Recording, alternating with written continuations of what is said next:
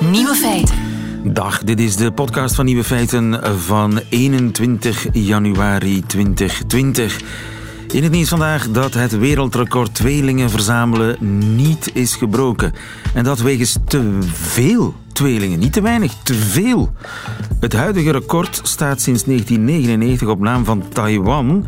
En daar verzamelden zich toen 3691 tweelingparen om precies te zijn. Sri Lanka dacht, wij doen dat beter. En inderdaad, gisteren kwamen 14.000 koppelstweelingen samen in de hoofdstad Colombo. Een stuk meer dan de 5000 waar de organisatoren op gehoopt hadden. Maar om het record geldig te maken, moesten alle geboortedata worden gecheckt. En dat zorgde voor zodanig lange wachtrijen dat de hele zaak werd afgeblazen. Niet gelukt dus, maar de Sri Lankanen die gaan het binnenkort nog een keer proberen. De andere nieuwe feiten vandaag. Dag drie in het euthanasieproces. En journalist Yves de Smet, die het proces volgt, die vraagt zich nog steeds af wat hij daar zit te doen. Het nieuwe dodelijke virus komt weer uit China. Brigitte Kaandorp, de koningin van het Nederlandse cabaret, komt op tournee naar Vlaanderen. En de secretaresse die heeft minder last van seksuele intimidatie dan de directrice. De nieuwe feiten van Bas Birker die hoort u in zijn middagjournaal. Veel plezier.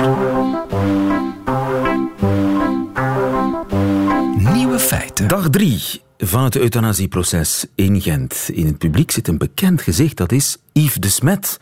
Goedemiddag, Yves. Goedemiddag. Yves, ben je daar in functie? Ben je daar als journalist? Uh, half en half. Ik ben er in functie en ik ben er ook privé. Omdat euthanasie een, uh, een thema is dat mij al ja, van toen de wet gestemd is en zelfs daarvoor al lang heel erg boeit. En uh, ik volg die thematiek nogal op de voet, ja. Dus jij zit in de zaal. Tine Nijs kreeg tien jaar geleden euthanasie omdat haar psychisch lijden ondraaglijk werd. En de dokters die daar toen aan hebben meegewerkt, die uh, verschijnen vandaag voor het Hof van Assisen op beschuldiging van vergiftiging. Zo zit het. Een volksjury zal moeten oordelen of de drie artsen de wet correct hebben toegepast. Dat is de, de kwestie. Uh, wat is er vandaag gebeurd? De familie kwam aan het woord, geloof ik, hè? De familie is nog steeds aan het woord. Op dit ogenblik is Tine Nijs aan het getuigen. Die aan het vertellen is hoe moeilijk ze het had. De en zus. hoeveel on de zus, ja, de zus van Tinnenijs, van het meisje in kwestie, enfin de vrouw in kwestie, ze was al 38 uh, toen de euthanasie is uitgevoerd. En de zus heeft het daar nog altijd heel lastig mee en verwijt de artsen dat ze niet alles hebben geprobeerd om dat te vermijden. Uh, en, en daar draait het een beetje over. Ja. En ook dit is weer, net zoals vele andere aspecten van die zaak, een zaak van grote twijfel. Met name wie was Tinnenijs? Je hebt langs de ene kant de Tinnenijs die de familie schetst een vrouw die liefdesverdriet had omdat een uh, relatie verbroken was, die wel een aantal psychische problemen had, maar volgens hun allemaal best behandelbaar.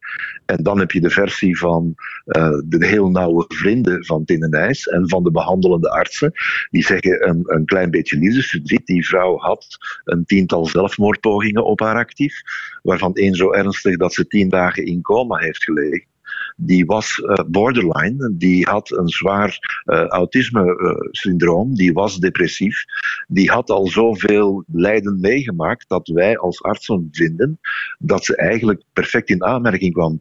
Gisteren is letterlijk gezegd door een van de artsen, als zij niet in aanmerking kwam, wie dan in godsnaam wel? Dus dat zijn twee totaal verschillende persoonlijkheden die hier geschetst worden. En het zal de moeilijke taak van de jury zijn om te bepalen van welke Tindenijs nu eigenlijk de echte is. Ja. Is dat geen helse taak voor een volksjury om zich ja, te buigen over artsen die medische beslissingen hebben genomen? Ja, dat is een zeer moeilijke taak. Zeker ook omdat je je kan afvragen, wat zitten we hier eigenlijk te doen? Want wat de artsen verweten wordt, is voor de rest eigenlijk een beetje onzorgvuldig optreden. Uh, een aantal formulieren zijn niet of te laat of naar het verkeerde adres gestuurd. Uh, er zijn onhandigheden gebeurd bij de eigenlijke uitvoering allemaal dingen waarvan je denkt, ja, geef dat aan bij de orde van geneesheren. En als daar iets fout is gelopen, geef die mensen een blaam. Maar wat gebeurt er? Opeens, tien jaar na de feiten, staan die voor assise en worden die beschuldigd van de zwaarst mogelijke misdaad. Moord. Dat is natuurlijk ook een hele verrassing. Zeker omdat in de eerste aanleg, toen de zaak voor het eerst onderzocht is in Dendermonde, dat toen het parket zelf heeft gezegd: er is absoluut geen reden tot vervolging. Ja. Alles is gebeurd volgens de regelen der kunst, dus ga allemaal naar huis. En, dat is daar. Ja, zeg en dat was dus eigenlijk jouw belangrijkste vraag, jouw belangrijkste reden om daar te gaan zitten, om op die vraag een antwoord te krijgen. Waarom dit assiseproces. Waarom is deze zaak verwezen naar assise? Dat, dat, weten we nog altijd niet. Dat is gisteren ook opgeworpen uh, door, door eh, de verdediging van wat zitten we hier eigenlijk te doen. Want in eerste aanleg zegt dat parket, ga naar huis, er is niks aan de hand. Dan gaat de familie in beroep. En let wel, de familie alleen gaat in beroep. Het parket zelf gaat niet in beroep. Dus aanvaardt de beslissing van de uh, raadkamer in Dendermonde. En dan opeens in beroep, hier in Gent, zegt de procureur-generaal ah kijk, ik ben van idee veranderd, ik sluit mij aan bij de familie, dit is een gifmoord. En als de verdediging dan vraagt, leg ons eens uit waarom dat je van idee zij veranderd, dan zei de procureur-generaal gisteren, ja, dat gebeurt toch vaak, daarvoor dient beroep net om van gedacht te kunnen veranderen. Waarop de onderzoeksrechter van Sint-Niklaas, die het dossier beheerst, op dat ogenblik zegt, ah, leg me dan eens uit waarom dat, dat de eerste keer is in mijn 18-jarige carrière dat ik dat meemaak dat het parket geen beroep aantekent bij de raadkamer en vervolgens eisende partij wordt bij assise. Dat is nooit eerder vertoond eigenlijk. En op die vraag, wat was daarop het antwoord? Uh, daar is niet verder op ingegaan. Maar ik vermoed dat daar nog pittige discussies over zullen volgen in de komende dagen. En dan, ja, dan zijn alle hypotheses van complottheorieën tot voortschrijdend inzicht, die komen dan allemaal aan de orde. En dat zullen we nog allemaal moeten afwachten. Dat kan nog komen. Het, kan, er kan nog een perfect uitlegbare reden uh, op de, voor de pinnen komen waarom plotseling het, ik hoop het, het Openbaar Ministerie... Ja, want als er geen uh, perfect uitlegbare reden is, ja, dan geeft dat natuurlijk voeding aan uh, alle mogelijke complottheorieën. Ja. Zo'n assisezaak, is het jouw eerste assisezaak? Die je uh, volgt in het publiek? Er, in het publiek wel, ja. ja, ja. Er zijn nog belangrijke assisezaken geweest die ik vanuit mijn krantenloopbaan heb gevolgd of mee heb, heb begeleid. Maar in de zaal zelf is het mijn eerste keer. Ja, het is een emotioneel heftige bedoeling, kan ik mij voorstellen? Op dit moment wel, en dat is ook normaal natuurlijk. Hè. Dus je kan ook begrip opbrengen voor de familie. Het is nooit prettig wanneer een van je naasten, uh, ook al besef je wel dat er redenen zijn, een dysfunctioneel gezin, er is geweld gebruikt, uh, er was alcoholisme in het spel. Uh, het, het was geen leven over rozenblaadjes, dat geeft ook de familie toe. Maar dan blijft het natuurlijk bijzonder pijnlijk wanneer je zus, je oudste zus, met wie je toch een speciale band altijd hebt, dat die opeens zegt: Ik zie het niet meer zitten, ik wil eruit. En dat je dan ook uh, niet wil begrijpen dat er een aantal artsen zijn die haar in die evaluatie en die haar in, in die mening gelijk geven en haar ook willen helpen. Uh, dus ja, dat, dat je als familie daar heel veel last mee hebt, dat zal wel. En dat dat er emotioneel bijzonder zwaar inhakt, dat kan ik ook best aannemen. Ja, want de advocaat van de uitvoerende arts die heeft al heel zwaar uitgehaald naar de familie. Ik dacht dat hij zei, Jan, ik wou dat je evenveel energie in Tine had gestoken dan nu in die procesgang. Ja, dat Wel, ze moeten, daar moeten ze nog aan beginnen. Dat zijn keiharde woorden, ja. Het is, ja, het is natuurlijk ook wel een bijzonder dysfunctioneel gezin geweest. Uh, als je als, als uh, uh, ik zal niet zeggen meer slagen dan eten krijgt, want het, het was, dat, ook dat wordt het wist. Ook dikwijls is er nu geslagen, maar dat daar vaak fysiek geweld is gebruikt, dat de pedagogische tik ver en ver oversteeg, dat, dat is wel duidelijk. Uh, ja, papa die uh, een bijzonder zwaar alcoholprobleem had, tenminste, hij is daarvoor behandeld, hebben we nu gehoord. Maar goed, dat was er. Uh, maar ja, al die details, dan, dat komt nu weer allemaal boven, en plein ja, publiek. Dat, dat is, dat is natuurlijk het risico dat je loopt als je als familie deze zaak aantreft en je wil zeggen van kijk, wij zijn een modelfamilie die onze zus van de dood heeft proberen te behouden. Ja, dat dan wordt uitgelegd waarom dat die zus uh, zo lang borderline was, zo lang depressief is geweest, uh, zo lang niet de hulp heeft gekregen die ze eigenlijk nodig had, ja, dan, dan moet dat allemaal bovenkomen. Dat is nu eenmaal de ascensie van een assiseproces, dat alle argumenten bovengespit moeten worden en dat er ter plekke op de zitting aan waarheidsvinding wordt gedaan door een tegensprekelijk debat.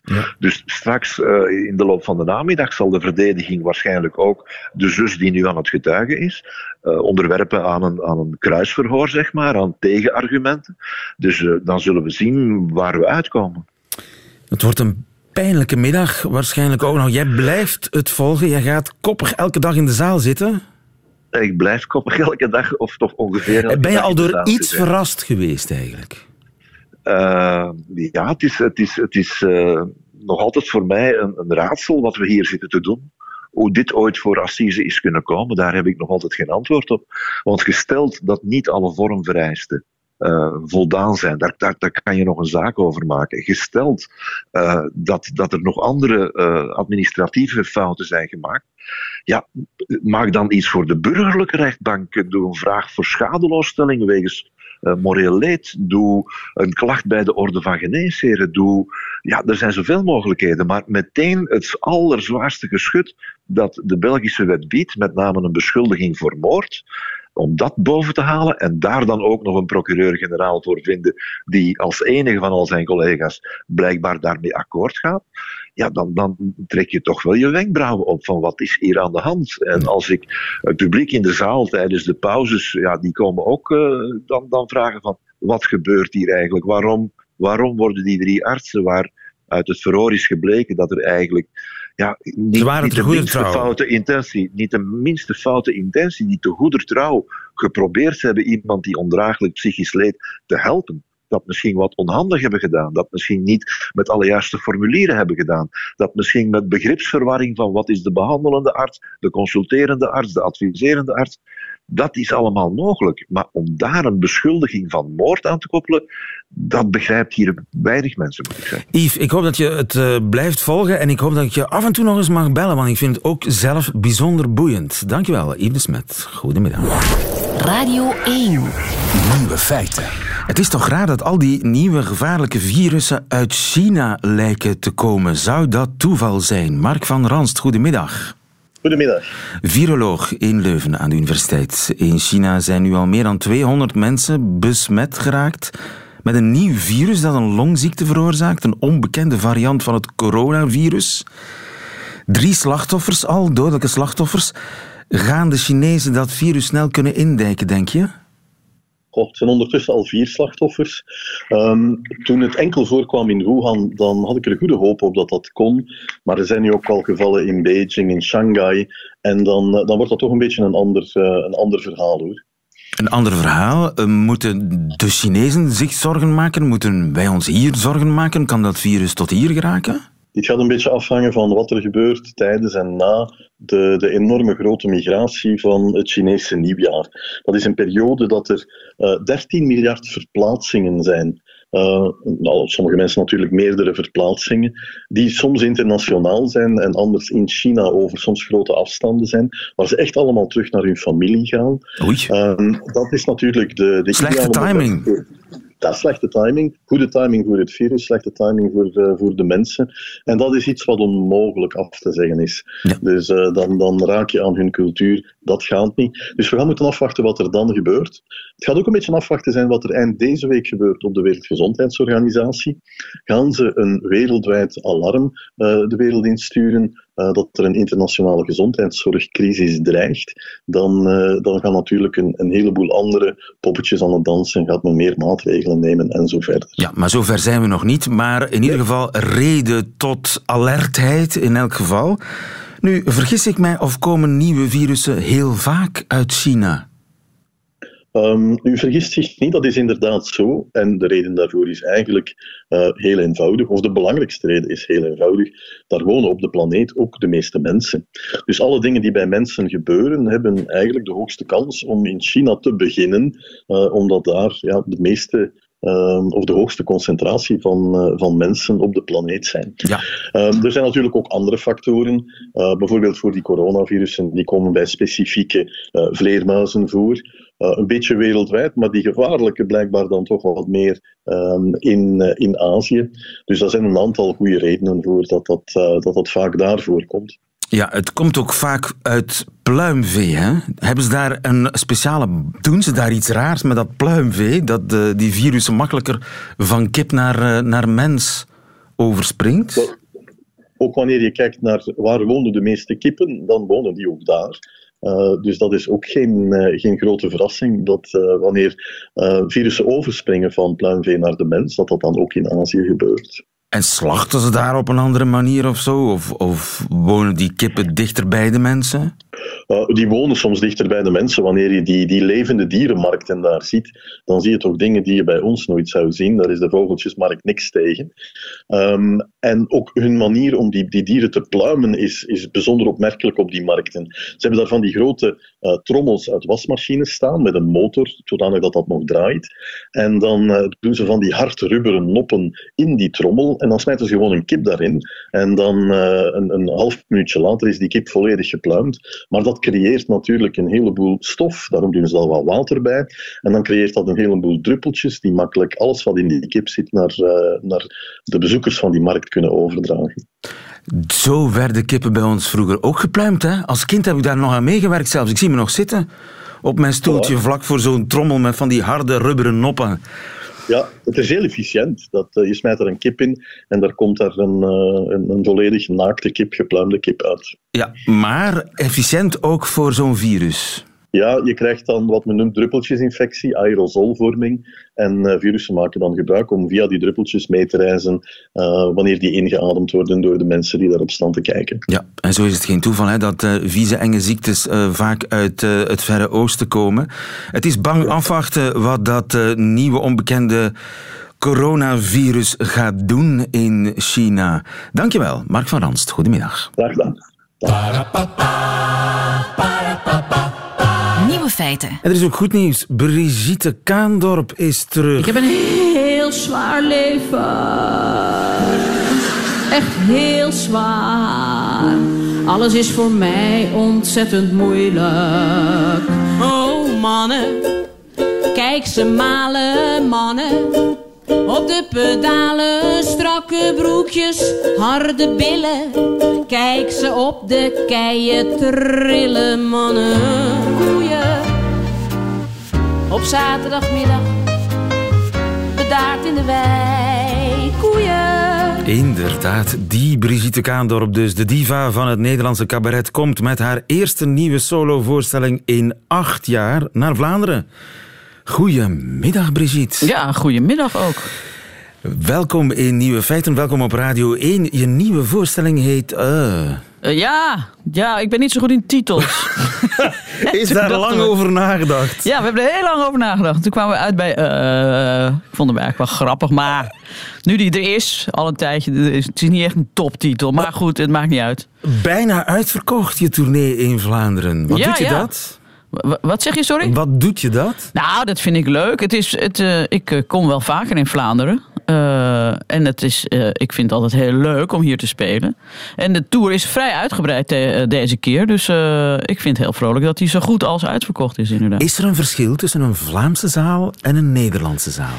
Nou, ik heb het idee vroeger wel. 30 jaar geleden kwam ik hier ook al in uh, Antwerpen in het, weet het niet, het fakkeltheater hier zo. Zou kunnen. Nou ja, hoe dan ook. En dan moest je echt nog wel een beetje werken of zo. En dan aan het eind kreeg je groot applaus. En dan dacht je, joh, had het even tijdens de voorstelling zelf laten weten dat je het leuk vond.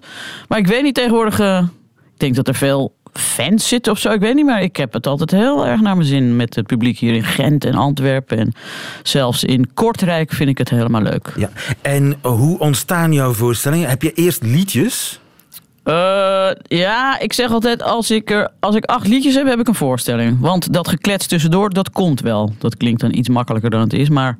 Durf je soms onvoorbereid gewoon met die liedjes naar, naar een podium stappen en dan... Ja, ik vertel wel een paar verhalen tussendoor? Ja, ik weet natuurlijk wel wat ik dan ongeveer ga vertellen. En gelukkig heet het in het begin ook nog wel try-out. Dus dan mag ik een beetje rommelen. Maar uh, die, die, die, ja, ja, ik heb het, uh, ja, die verhalen die, die, die ontstaan min of meer op het podium. Ah, try-outend, rommelend ontstaande verhalen. Ja. ja, precies. Klinkt een beetje onprofessioneel.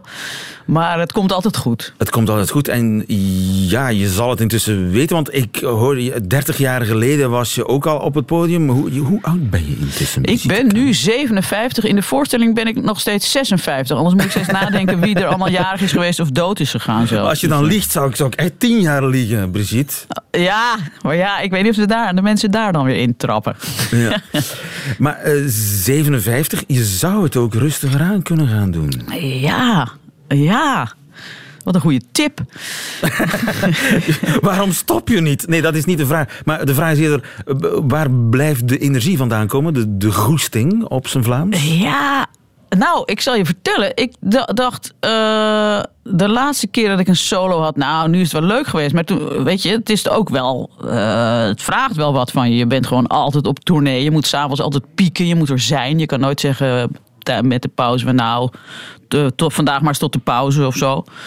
Ik heb eh, even geen energie. Maar toen Het is stond ik in keihard, Gent. hè? Alleen op een podium. Wat, wat zeg Het je, is sorry? keihard, hè? Solo op podium. Ja, nou ja, je, je kan het op niemand afschuiven. Jij bent de enige die het moet doen. Dus eh, ik, ik zit naar jou te kijken. Maar je hebt zo'n vertraging dat je, ik antwoord geef terwijl jij de vorige vraag nog stelt, geloof ik. Of een vraag. Nee, nou, hoor, dat, is het beeld. Je moet niet naar mijn, mijn Oh, beeld naar- kijken. ga ik de andere Nee. kant kijken. Maar eh, je, je, wou iets vertellen in Gent. Ja, ik stond in Gent in het Capitool. Dat is een van mijn favoriete eh, zalen. Ik sta er nu ook weer twee keer, volgens mij. En ik stond, de, de hut ging zo ontzettend uit zijn dak, om het zo maar te zeggen. Die avond, eigenlijk de laatste avond van mijn voorstelling. En toen dacht ik, weet je wat, ik, ik ben hier zo goed in. Dat klinkt een beetje eh, blasé, maar ik bedoel, dit is zo leuk. Ik ga toch maar weer eens een nieuwe maken. Zo werkt het meestal. Je eerst denkt, nou ja, nou weet ik het even niet meer. En dan opeens denk je, toch, dit is toch wel heel erg leuk. En bovendien heb ik alweer zes nieuwe verhalen. En, Die moet ik toch kwijt? Wordt het moeilijker, makkelijker met de jaren? Is het anders? Ah, nou, het, het lijkt wel of het programma, het maken van het programma makkelijker wordt, maar het, het op tournee zijn is, is wel, vind ik, lijkt moeilijker te worden. Weet je, dat je, je hebt altijd zo'n moment tussen, als je gegeten hebt om zes uur, je moet een beetje vroeg eten, want anders sta je nog te verteren op het podium en boeren te laten en eh, je maag staat te rommelen, zit te rommelen. En acht uur is, zijn altijd van die hele eenzame uren dat je zo ontzettend met je neus op het feit wordt gedrukt dat je het echt wel zo meteen in je eentje moet gaan doen. En dat vind ik altijd, vind ik steeds, het lijkt wel lastiger worden of zo. Ik bel altijd naar mijn man, dan zeg ik mag ik naar huis, ik wil naar jou toe. Met een glas wijn bij jou, met een krant in de keuken zitten. Maar dat mag nooit. En al die levenswijsheid die je in de loop der jaren verzameld hebt, zit dat de humor niet in de weg? Nou, nee. Want je bent toch graag de kluns, hè? Je bent de humor, als kluns is humor makkelijker. Ja, ik was vroeger wel een grotere kluns. Dat was makkelijker inderdaad. Maar ik kan er nog steeds wel wat van. Hoor. Ik heb nu in dit programma iets over mijn twee bejaarde ouders... waar ik mee in een tuincentrum ben... wat helemaal de soep inloopt... omdat ik ze allemaal kwijtraak en ze vallen om... en er gebeuren eh, dingen. En ik ben bij de koning en de koningin op bezoek... eh, op een staatsbanket... waar overigens ook jullie koning en koningin waren. Dat is allemaal echt gebeurd. En daar, dat, dat verhaal loopt natuurlijk ook helemaal mis. Dus je kan ook als je nogal volwassen bent... met twee volwassen kinderen... kan je ook heel goed de mist ingaan nog steeds. Blijkt. Ja, je bent wel 57, maar dat, daar komen nieuwe uitdagingen bij. Ja. Als daar zijn bejaarde ouders, inderdaad. Ja, precies. Die dan knolbegonia's willen kopen. Knolbegonia. Ja. Ja. ja, mijn vader wil altijd knolbegonia's eh, eh, in het voorjaar. Dus dan ga je naar het tuincentrum met je vader en moeder en je zus. Want in je eentje red je het niet, want dat zeg ik. Ze raken kwijt, ze vallen om, ze lopen weg. Die ouwetjes. Dus, eh, en dan ga je daar eh knolbegonia's kopen. En dat is dan heel verbazingwekkend hoe mis dat dan nog kan lopen eigenlijk. We kwamen allemaal zwaar gewond thuis. Zwaar gewond dan nog. Nou ja, mijn moeder en mijn vader dan. Het is allemaal net goed afgelopen. En eh, je was er ook bij toen Filip en Mathilde, ons vorstenpaar, op bezoek was in Nederland. Ja, ja, ik werd uitgenodigd eh, nou ja, om aan te zitten aan een staatsbanket in het paleis op de Dam in Amsterdam. Ter ere van het officiële staatsbezoek van eh, Mathilde en Philippe, inderdaad. Ja, Speciale jurk gekocht. Ja, man, ik ben twee weken bezig geweest voordat ik alles bij elkaar had gescharreld aan. eh, En wat is het geworden? Een blote jurk? nou, wel blote armen, maar het moest wel lang. We moesten in het lang, dus het was een lange zwarte glitterjurk met blote armen, hakjes, schmoek, een toef op mijn kop en een kluts. Ja, perfect toch? Ja. Alles goed gelukt dan. Ja, het was heel goed gelukt. want Ik was even bezig, maar... En wat is er dan fout gegaan? Nou ja, er gebeurden daar natuurlijk dingen die lachwekkend waren. En als je die een beetje aanzet, dan krijg je een heel grappig verhaal. Ik bedoel, eh, wat, ging, wat ging er fout? Eh, ik stond te praten met de commandant der strijdkrachten. Die man is de baas van zowel de landmacht als de luchtmacht, als de marine, als de marechaussee. En ik kan dan dingen zeggen als, eh, gut wat leuk, mijn man heeft ook in dienst gezeten. Nou ja. En, eh, maar dat mag toch? ja, dat mag. Maar als je dat allemaal een beetje aanzet en het nog erger maakt, dan kan, het, eh, dan kan dat eh, een grappige verhaal opleveren. Oké. Ja, ik moet nou die hele conferentie niet gaan doen. Nee, maar, maar we hebben toch een klein stukje. Oh, Uit mag dat? Ah, ik heb een nou ja. klein stukje. Ik geloof dat als het ook- publiek het maar wel weer vergeet. ik, ik, we- de mensen die de mensen die kaartjes hebben, want er zijn eigenlijk nog heel weinig kaartjes over, die moeten nu even de oren dichtknijpen. Ik geloof dat het gaat over je bejaarde ouders, Oh. denk ik. Maar bij mijn moeder heeft het net even wat meer voeten in de aarde. Weet je. Ja, niet alleen vanwege alle huidkleurige step-ins en zo wat ze allemaal aan heeft. Maar die durft de wc-deur niet meer eh, op slot te doen. Ja, dat hebben we één keer gehad. Dat was ook vrij slordig. Toen waren we bij de Chinees waren we geweest. Ja, ja, en toen waren we al thuis. Ja. Ja, het was gewoon een hele gezellige avond geweest. Met, weet je wel, ja, dus ik, ik, ik, ja, ik schaam me er ook heus wel voor. Want ik wou, ja, want ik was eigenlijk al op weg naar bed. Dus ik dacht, ja, ja, nou ja, en iets in mij zei toch even mijn zus. bij- Ik zeg, just checking, jij had man toch meegenomen? Ze zegt, nee joh, ik dacht dat jij er mee Ik zeg, kut, nou tenminste, ik zei, jee, ja. Dus ik ben, ja man, ik ben als een de gesmeerde blik, gierende vaart teruggereden naar die Chinees. Die was al aan het afsluiten. Ik zeg, mag ik nog heel even op de wc kijken? En toen zat mijn moeder daar inderdaad op de klep. Zegt ze, oh, ze zegt, ik dacht dat jullie me vergeten waren. Ja. Sorry dat ik even dit, dit stukje liet horen. Al iets verklapt van de voorstelling, maar komt helemaal goed. Eh, Ja. eh, zo heet je nieuwe voorstelling. En ik wens je er heel veel succes mee. Dankjewel, Brigitte Kaandorp. Goedemiddag. Dag. Radio 1. Nieuwe feiten. De poetsvrouw en de secretaresse die krijgen minder te maken met seksuele intimidatie dan de directrice. Goedemiddag, Bieke Purnelle. Goedemiddag. directeur van het kenniscentrum eh, Rosa in Brussel. Eh, dat moet blijken namelijk uit onderzoek in Zweden, Japan en de Verenigde Staten. Vrouwen in leidende functies hebben 30 tot 100 procent meer kans op sexual harassment. Maar ja, wat is dat, sexual harassment? Goh, dat is eh, een heel scala aan, aan gedragingen. Dat gaat van ehm, seksueel getinte opmerkingen, eh, grove opmerkingen met een duidelijke seksuele ondertoon, tot rechtstreeks eh, bed- bedreigingen eigenlijk, eh, tot effectief seksuele handelingen. Hè. Mensen aanraken ongewenst, met een duidelijke seksuele bedoeling of, of bijtoon. Dus dat is heel ruim. Een- Een hand op de bips, een, Ja. ongevraagd. Zit verkrachting daar ook bij? Eh, verkrachting zit daar in principe niet bij. Dat beschouwen we echt wel als seksueel geweld. Dus als we het hebben over grensoverschrijdend gedrag, gaat het over eh, dingen die daar wel toe kunnen leiden of daar een stap naar zijn, maar nog niet eh, effectief verkrachting zijn. Dus we hebben het enkel over die seksuele intimidatie, die seksistische opmerkingen, die vernederingen, al dan niet gepaardgaand met handen op ongevraagde plaatsen op het, eh, op het lichaam.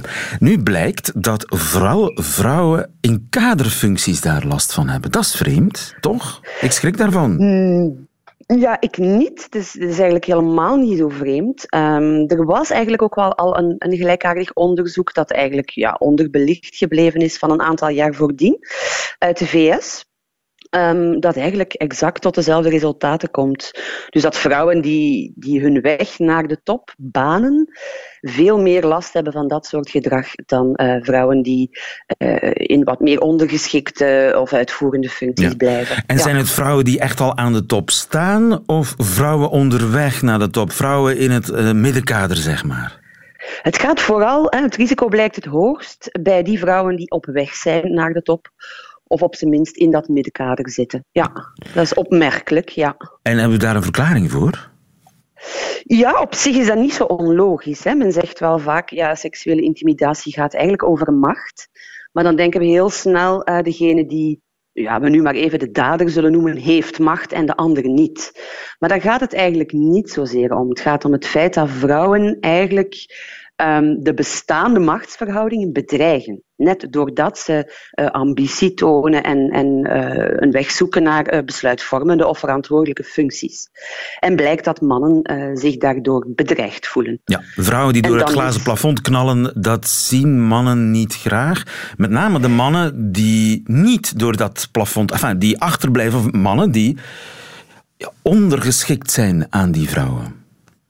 Ja, of, of vrezen ondergeschikt te zullen blijven. Hè? Want heel vaak gaat het ook over collega's. Hè? Dus het zijn vaak ook mensen op hetzelfde niveau. Okay. Uh, die, ja, Dus men is bang dat vrouwen hun, hun positie eigenlijk inneemt. Het is eigenlijk een manier om... We worden hier ingehaald door een vrouw, jongens.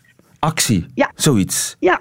Het zijn trouwens niet alleen de vrouwen. Hè. Blijkt ook uit ander onderzoek dat uh, vrouwen van kleur bijvoorbeeld er nog meer last van hebben. Maar ook mannen van kleur en mannen die zich vrouwelijk, tussen aanhalingstekens, gedragen. Ah. Ja. Dus ja. het, mannen met een slap handje, als ik, maar zal, uh, als ik dat zo mag zeggen. Die, ja, ik weet niet wat men bedoelt met zich vrouwelijk gedragen. Ja, ik zie dan mannen met een slap handje. We weten allemaal, die, man, die mannen bestaan. Hè? En die hebben ook uh, recht op een plaats onder de zon, absoluut. Maar als ja. die carrière maken, dan krijgen die ook te maken met seksuele intimidatie door andere mannen. Klopt. Ja, niet in dezelfde mate als de vrouwen waar we het nu over hebben, maar er is toch ook een duidelijk risico. Ja. En mannen van kleur ook? Ja, eigenlijk iedereen die de bestaande uh, hiërarchie of de bestaande machtsverhoudingen uitdaagt op de werkvloer, um, heeft daar in hogere mate last van. Maar voor alle duidelijkheid, ja. mannen van kleur die carrière maken, die hebben meer last van seksuele intimidatie en de daders zijn ook meestal mannen. Ja, klopt. Ja.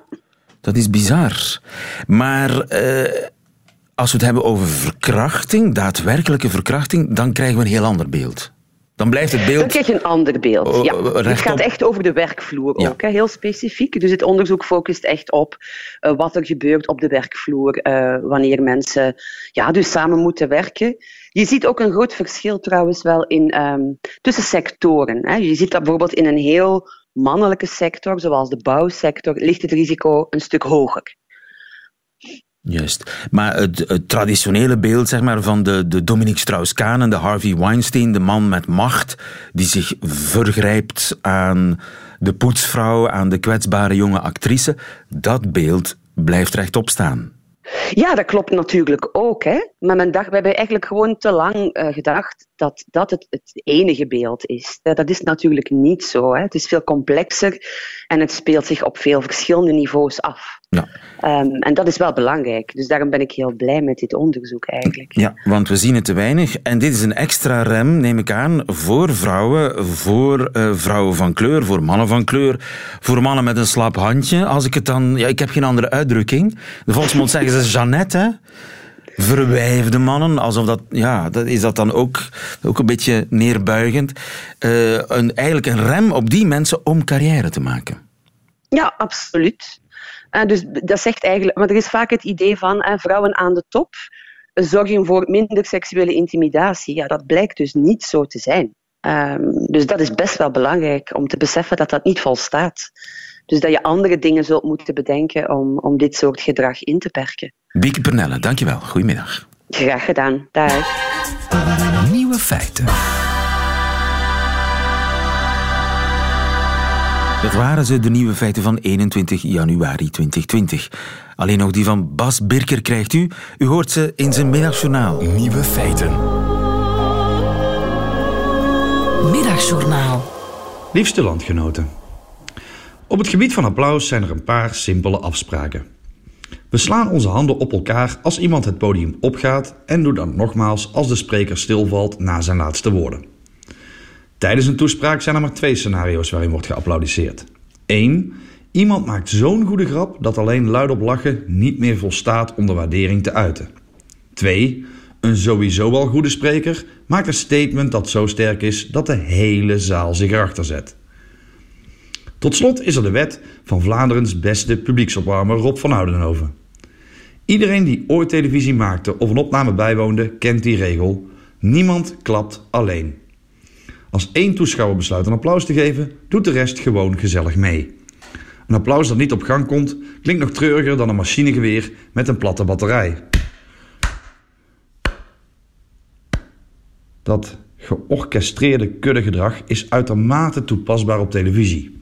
Iedereen heeft zich al kapot geërgerd aan panelshows waarin elke middelmatige grap wordt beantwoord met een lachsalvo van 5 seconden en een applaus van 10. Geheimpje, dat ligt niet aan de grappenmaker, maar wel aan de publieksopwarmer buiten beeld, die in zijn script het woord applaus leest en zelf een keer in zijn handen klapt. De wet van Rob van Oudenhoven doet de rest. Natuurlijk kun je je kans op applaus ook zelf vergroten. Iemand die zegt dat doen we samen met de MR en hun kerstverse voorzitter Jean-Louis Boucher, krijgt een knikje van wie zich in die woorden kan vinden. Dat knikje wordt applaus als je de intonatie verandert en wat interpunctie toevoegt. En hun kerstverse voorzitter Jean-Louis Boucher. Ik ben niet zo'n fan van de speeches van Gwendolyn Rutte. Ze voelen niet oprecht, nooit spontaan en aan alles is te voelen dat zelfs de gebaren bij haar woorden zijn kapot gerepeteerd. Dat laatste weet ik zeker, want ik heb haar eens zien oefenen. Zelfs de stilte bij de technici was oorverdovend. Gisteravond hoorde ik op deze zender, nu de VRT nog bestaat, een verslag van Ruttens nieuwjaarstoespraak. Zelfs in de samenvatting was het aantal applausen om voorspelbare stellingen en lege statements niet te tellen. Het zou natuurlijk kunnen dat Open VLD een publieksopwarmer had ingehuurd. Maar stiekem denk ik dat Jean-Louis Boucher de speech van Rutte niet verstond en voor de zekerheid begon te applaudisseren als ze even stil was. Zelfs zonder afdoende kennis van het Nederlands moet hij telkens de hoop gevoeld hebben dat het dit keer echt voorbij was. Eén klap in de handjes. De wet van Rob van Oudenhoven doet de rest.